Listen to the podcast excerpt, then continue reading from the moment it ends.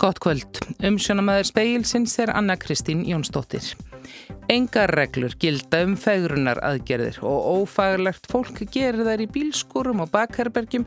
Þetta er eins og vilda vestrið, segir lögmaður. Embætti landlæknis hefur safnað upplýsingum frá starfsfólki og sjúklingum á Reykjalundi og starfsfólk greinir aukna bjart síni. Forstjóri sjúkratrygginga Íslands sakar sjúkraþjálfurum að beita sjúklingum fyrir sig í deilu við yfirvöld. Stjórnamynduna viðræður eru að hefjast á spáni, leiðtóaflokka sem reyndu vikum saman að komast að samkómalegi fyrir á árinu ætla að gera aðra til raun. Um helmingur 16 tonna af ólju sem rann úr óljutanki á borgarferðið Eistra fannst í rótþró sveitafélagsins og ný sam-evrópsk rannsóksín er að meiri hluti Íslandika telur að lífskjör aldraðara hér á landi séu slæm. Fegrunar heimurinn á Íslandi er eins og vilda vestrið, segir lögmaður hvenna sem eru illa leiknar eftir missefnaða meðferð. Fegrunar aðgerðum þar sem hjalorón síru er sprautaði varir og hrukkur hefur fjölgað mjög. Engar reglur, gilda um slíkar aðgerðir og ófaglegt fólk framkvæmir þær í bílskúrum og bakherbergjum. Jenna Lind Eisteinsdóttir, húðsjúkdómaleknir, segir að herða þurfi reglur um fyllingar aðgerðir eins og gert að verði með botox aðeins sérfræðilega læknar megi nota. Svo erum við með fyllefni sem getur verið stór hættulegt í raungum höndum þar sem að þetta er aðskotarhlutur sem mást að spröyta inn í húðina og undir húðina og getur lokað æðum og valdi þar alveg eindir blóðþurð og í vestu tilfellin kannski blindu að þar gilda enga reglur og þetta náttúrulega bara gengur ekki. Mál vegna missefnaðra aðgerða hafa komið á borð Ómars Valdemarssonar lögmanns. Miður er þetta nánast eins og vilt að vestri. Það getur hver sem er verist vera orðið þessar út um þessi efni fluttu inn og byrja að bjóða upp á svo kallega ferunaraðgerðir. Um, það eru, eru stífari, aðger, stífari reglur um þessa leysa sem eru notaðir og eiga vera notaðir í, í, í, í hérna, lækningaskinni. Þar eiga læknar að bera ábyrð á, á þessum meðferðum en utan, eftir fylgnin með því að það er gert virðist ekki vera alveg nógu góð sagði Ómar Valdimarsson og áframverður fjallaði málið í sjónvarpsfréttum klukkan 7 og í Kastljósi. Forstjóri sjúkratrygginga hefur sendt samkeppniseftilitunu bref og tilkynnt grun um ólagmætt verðsamráð sjúkraþjálfara. Forstjórin sakar félag sjúkraþjálfara um að beita sjúklingu fyrir sig í deilu við stjórnmöld. Sjúkraþjálfarar tilkynntu í morgun að þeir hefðu sagt sig frá samningi við sjúkratryggingar og varu hættir að hafa millegungum um niðugreislu ríkisins og sjúkraþjálfun. Því þurfa þeir sem fari í sjúkraþjálfun að greiða á bylinu 6-8 þúsund krónur og fara svo með reikningin í sjúkratryggingar og óskæftir endurgreislu. Þá hefur gjald fyrir sjúkraþjálfun í mörgum tilvikum hækkað umfram það sem ríki niðugreiðir.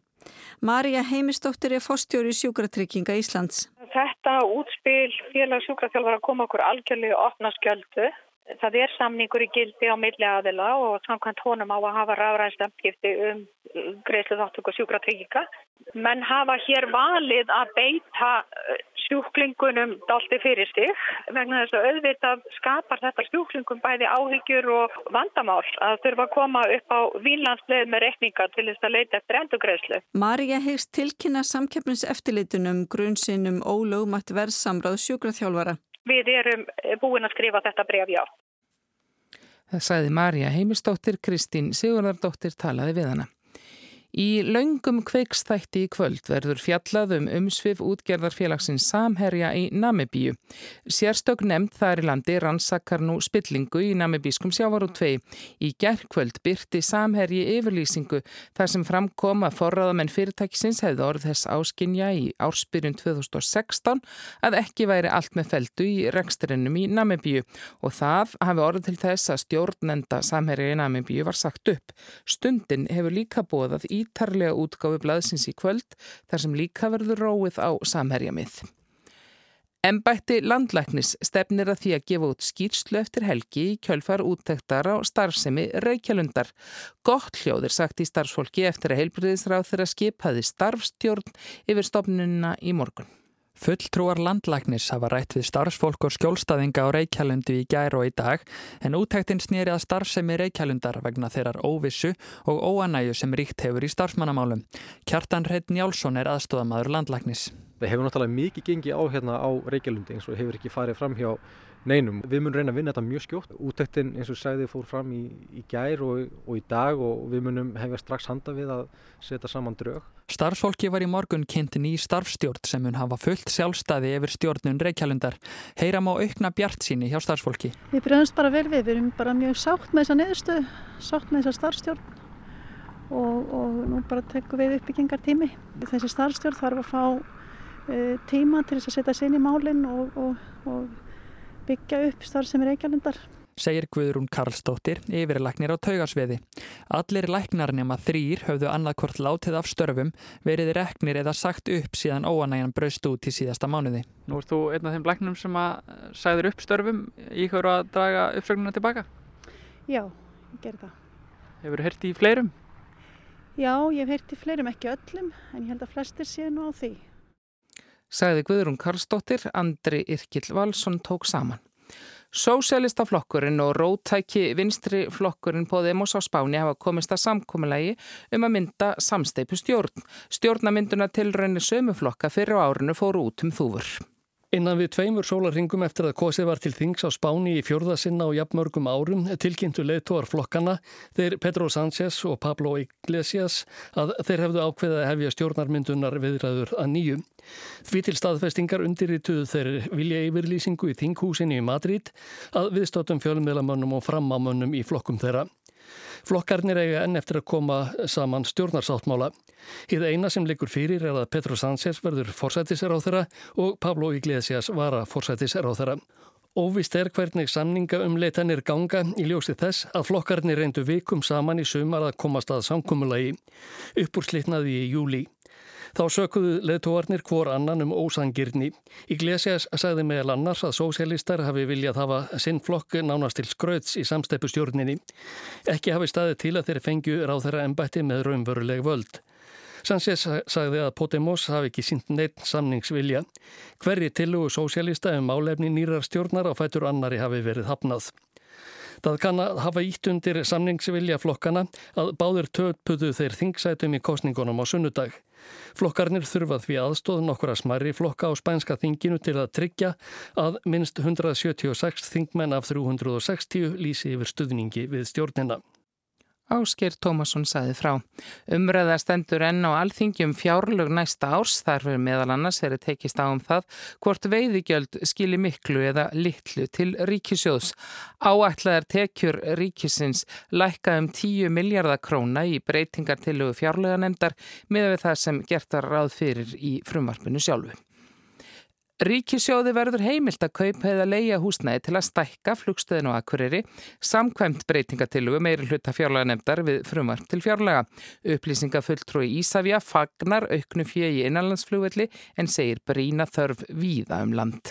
Nokkuð hefur verið tekist á um fjármagn til uppbyggingar og akkuriraflugvelli. Fyrir aðra umræðum fjárlög næsta árs á alþingi í dag var bætt við nýjum liði í sjöttugrein fjárlaga. Þar segir að veitt verði heimil til að leia eða kaupa húsnæði sem nýtist sem stækkun á flugstöðun á akkuriraflugvelli. Eins og framhefur komið hefur KEA bóðist til að byggja við flugstöðun á Akureyri og átt viðræður um að leia Ísavíja húsið. Ísafja fagnar auknu fjárframlægi ríkisins til innanlandsfljóðarkerfisins og þessi breytingatillega meiri hluta fjárleganemndar er jákvætt innlegg í þessa umræðu. Segir Guðjón Helgason upplýsingafulltrúi í Ísafja. Hann bendir á að innanlandsfljóðar á Íslandi liggi víða undir skemdum og viðhaldþörfin sé því brínum allt land.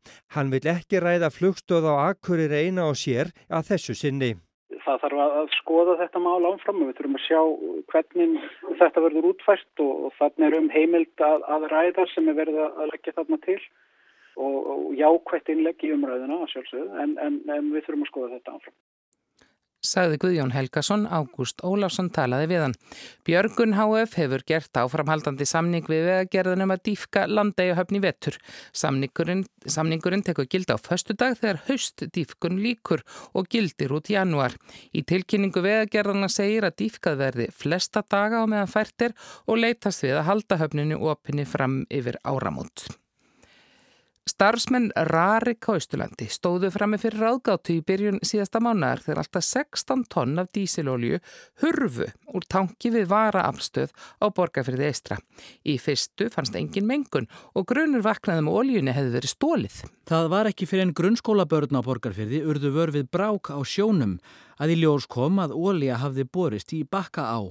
Samkvæmt upplýsingum frá heilbriðiseftiliti Östurlands tilkynnti grunnskólinn um mengunina 1. oktober og var þá gerð frekari leit að ólíu. Sveitarfélagið hafði ekki frétt af ólíu missi rarik og ótaðist að tankar í afgreðslu N1 lækju. Ólían fannst loks í rótþró sveitarfélagsins og er talið að hún hafi runnið niður um drenlögn. Drenlagnir við hús taka við regnvatni og eiga samkvæmt núgildandi reglum ekki að liggja í rótþrær en ídluheitli voru lagnirnar frá tíma fyrri reglugerða og leittu því megnið af ólíunu í rótþróna sem virkaði eins og ólíuskilja. Fyrir vikið var auðveldara að dæla ólíunu upp og flytja í hreinsistöð ólíudreyfingar á eskifyrði. Fram kemur í frétt á Evrarik að 8-9.000 lítrum af ólíu hafi verið dælt úr rótþróni og hreinsunar áætlun útbúin. Nýr tankur með tvöföldu byrði hefur verið settur upp og mengaður jarðvegur fjarlægur. Rúnar Snær Reynisson saði frá.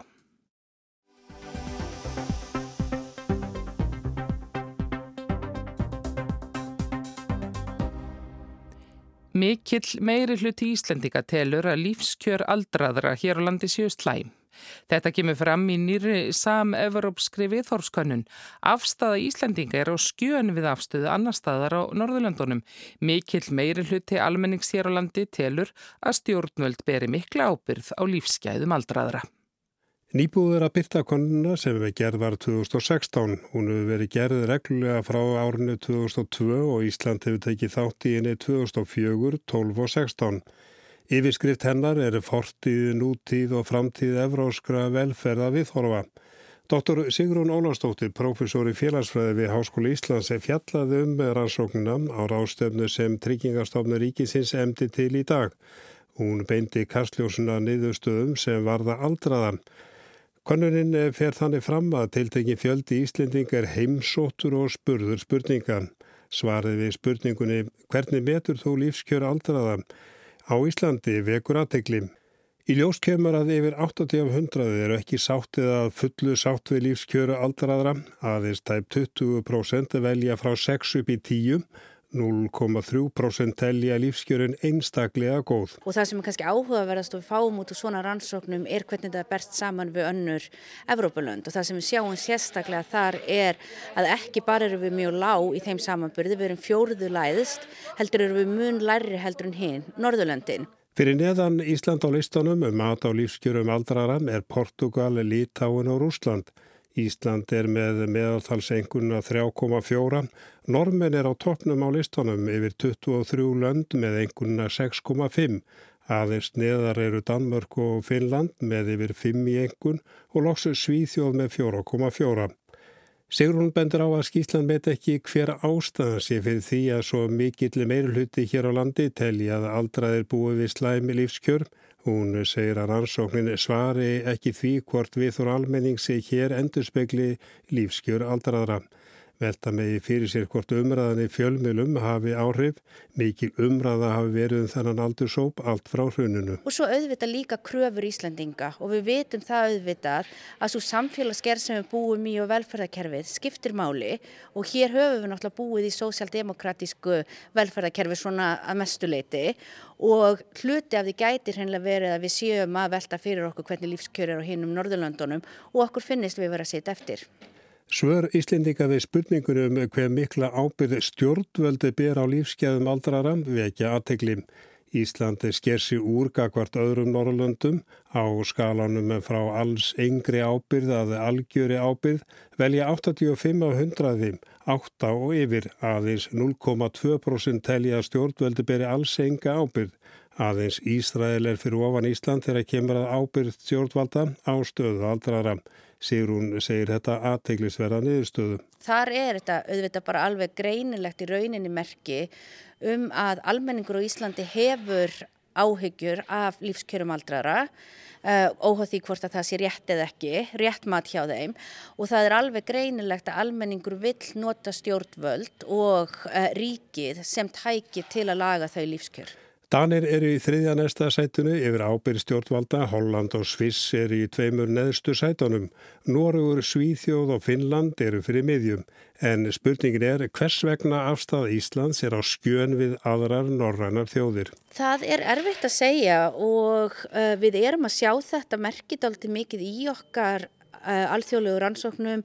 Við höfum séð svipa til dæmis varandi heilbreyðiskerfið að Ísland er þar að koma á toppin og svona mín tilfinning án þess að kannski geta alveg uh, fullirt 100% er að okkur sé að einhverju leiti að finnast við séum kannski svolítið að setja eftir í þessu norræna velferðarmódeli og það hafi verið að draga saman í velferðarkerfinu við séum í rauninni að einhverju leiti kannski að fara úr þeirri átt sem við viljum vera í og að það svona kannski lýsi dálitið þessari pressu sem fólk er að finnast.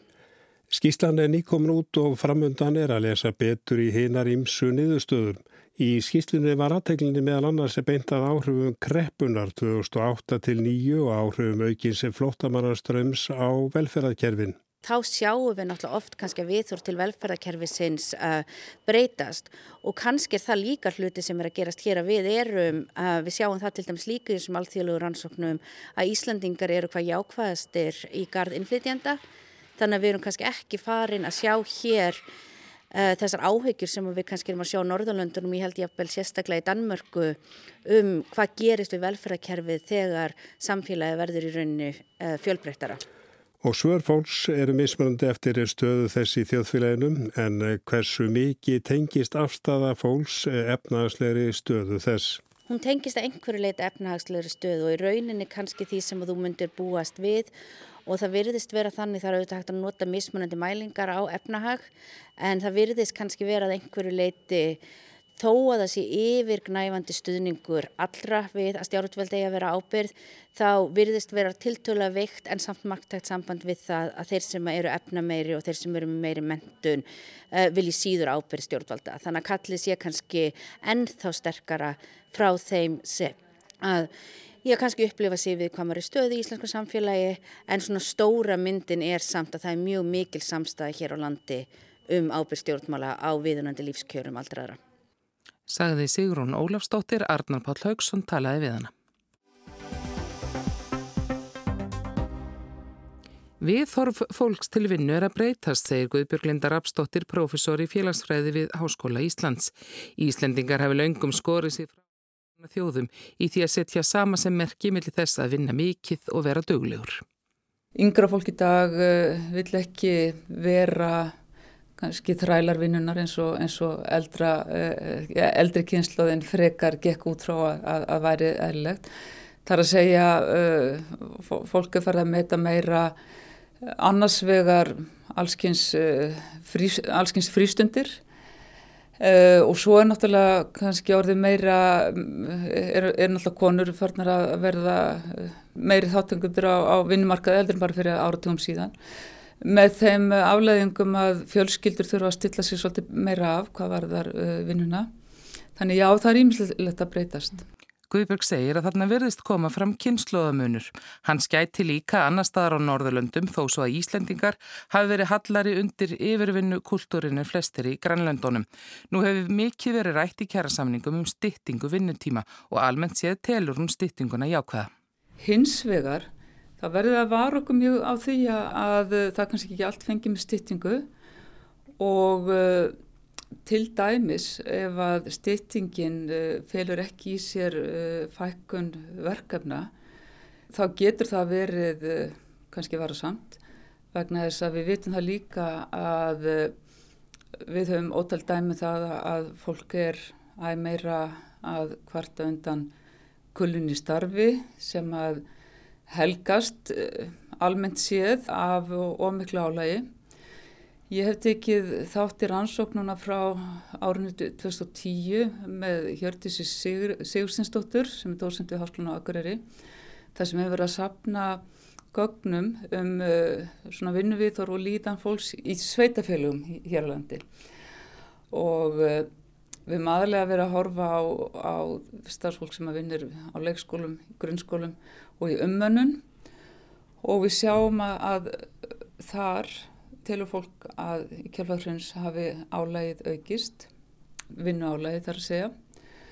Og uh, við sjáum líka þar tengsla milli vinnu álags, aukist vinnu álags og vanliðunar og þannig við þurfum að vera okkur mjög meðvitt um það að uh, þó að stytting almennt sé, vinnutíma sé, sé almennt sé góð þá er aukið álag sem að mögulega geti fyllt í, ekki endilega af henni góða Líka það að eh, við meðum ekki gleyma því að sérlega fólk sem að vinnur kannski einhæf og erfi störf að það er bara mjög nöðsynlegt fyrir vinnutengda líðan að fólk taki sínar uh, kaffipásur og, og uh, sín hátegislið. Það er engin tilviljun að það hefur verið hluti af, af kjærasamningum að það er bara mjög tengt uh, líðan fólks. Ljóst sé að mikil gerjun sé á vinnumarkaði og Guðbjörg nefnir tæknibreitingar sem gera fólki kleift að vinnað heimann það er mjög erfitt að halda utanum vinnutíma þess fólks. Þessi upplýsingateknubilding hún alltaf hefur gerst svo rætt að þegar að bara síðustu aldamót þá var fólk mjög bjart sínt á að upplýsingateknin eða það að við getum syndi vinnunni heimann frá okkur að, að vissu marki að það myndi auðvelda samspil fjölskyldu aðtunlífs þessar áhyggjur sem fólk hefði um hvað var þar að vera og veri oflöngum tíma í vinnunni vegna þess að það væri hægt að að, að til dæmis að sækja búin að leikskóla og fara svo heim. En nú hefur umræðan snúist tölverst og rannsóknar sína það í dag þá hefur, hefur fólk meiri, meira áhyggjur af því að, að það er ekki hægt orðið að telja vinnutíma stundir. Við vitum ekki hvað við erum að vinnum lengi að því við, það er svo erfitt að halda utanum það vegna þess að við förum heim og stimplum okkur út en höldum svo áfram að vinna þegar heim er komið. Og það er nú þannig þegar við erum að tala um atvinnulífið og, og vinnuna að þetta er náttúrulega svo, vinnan er svo margrata samfélag, við erum að tala um svo ótrúlega ólík störf og ótrúlega ólíkar aðstæður sem fólk hefur til vinnunar að það er kannski erfitt að, að tala á einhverjum svona alhæfingarnótum um, um áhrifin. En þess þá heldur að þegar við erum að gera breytingar eins og til dæmis uh, styttingu uh, á styttingu vin, vinnutímans að við fylgjum mjög vel með því hvaða, hvaða raunverulega áhrif þetta hefur til lengdar. Og það er ekki nóg að goða áhrifin kannski bara næstu sex mánuðina eða, eða eitthvað þess að það er allt þekkt í rannsóknum að ef að það er verið að gera eitthvað jákvætt sem okkur finnst verið jákvætt að þá líður okkur mjög vel með það og gefum mjög jákvæð viðbröði niðurstöðum kannski fyrst og eftir en, en langtíma áhrifin geta síðan orðið önnur.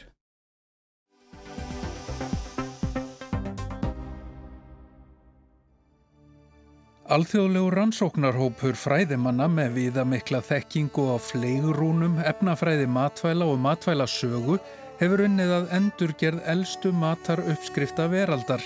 Matagerðalistinn hefur ekki breyst svo mikið í fjögur þúsund ár. Uppskriftin af lambapottréttinum hljóma reyndar meira eins og innihaldslisti en fullgerð mataruppskrift.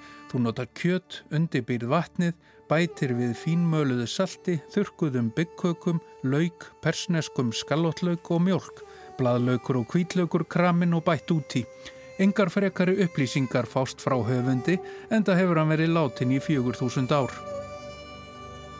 Sérfræðingar hafa unnið að endur sköpun þessa réttar og þryggja annara úr eldstu þekktu uppskriftum veraldarsögunar, eins konar matagerðar fordleifa fræði til að öðlast skilning á matarmenningu fornaldar. Gojko Barjamovits segir að þetta sé eins og að endur skapa tónverk, hver einasta nóta geti skipt sköpum. Hann er sérfræðingur í Harvard háskóla í menningu, tungu og fornminjum assyrjumanna og forsvarsmaður rannsóknarinnar. Þrjára af þessum steintöflum með mataruppskriftum eru frá því um 1730 fyrir Krist og svo fjórða er þúsund árum yngri. Allar eru þær frá Mesopotamíu eða landina á milli fljótana Tigris og Efrat.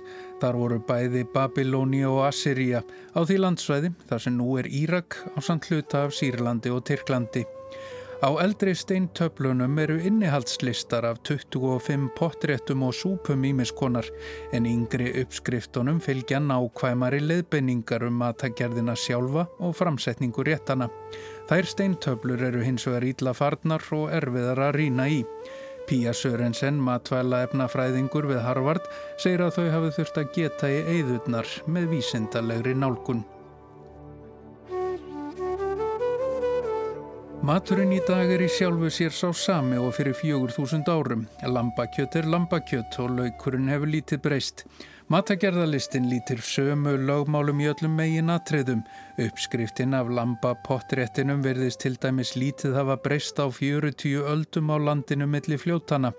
Réttinnir fornu verðast líka hafa haft ákveðin hlutverk ef svo má segja. Rétturinn passrútúm er til að mynda súpa fyrir þá sem eru kvefaðir eða með timburmenn.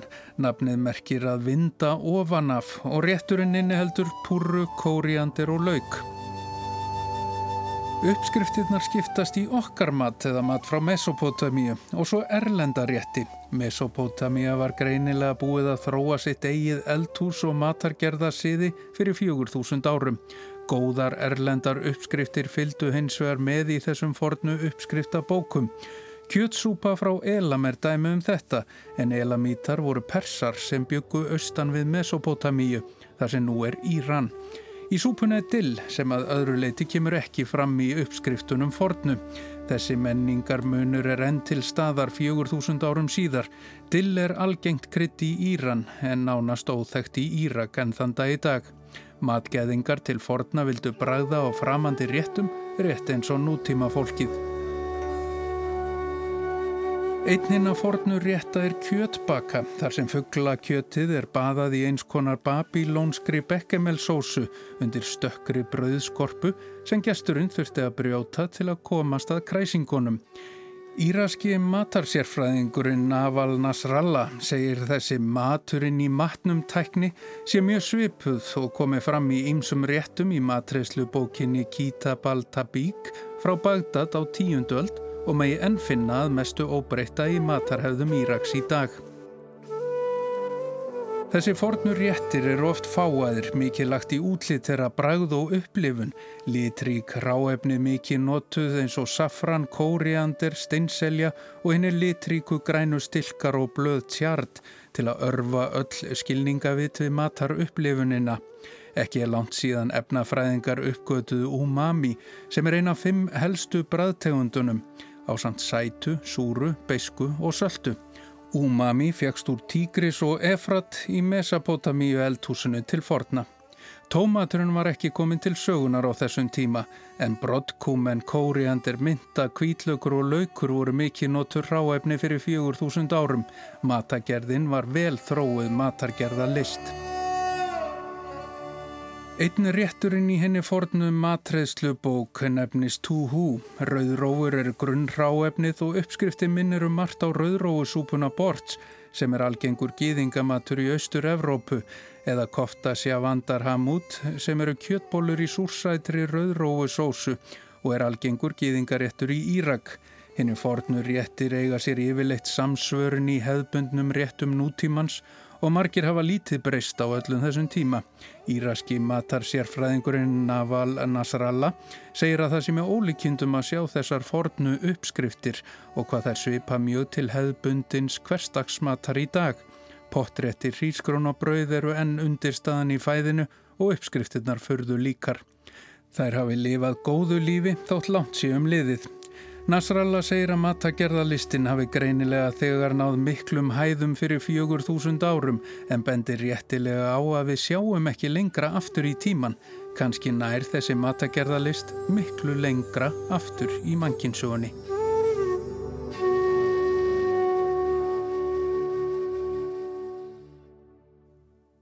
Pálmi Jónasson tók þetta saman. Veðurhorfur það verður suðaustan góla eða kaldi og skúrir eða slittugjélum landið sunnan og vestanvert, hæg norðalag átt víðast hvar á morgun en norðan strekkingur austast. Jél norðaustan til en annars létt skíð og áfram kaldi veðri. Það er ekki fleira í speklinum í kvöld. Tæknumæður í útsendingu var Ragnar Gunnarsson veriði sæl.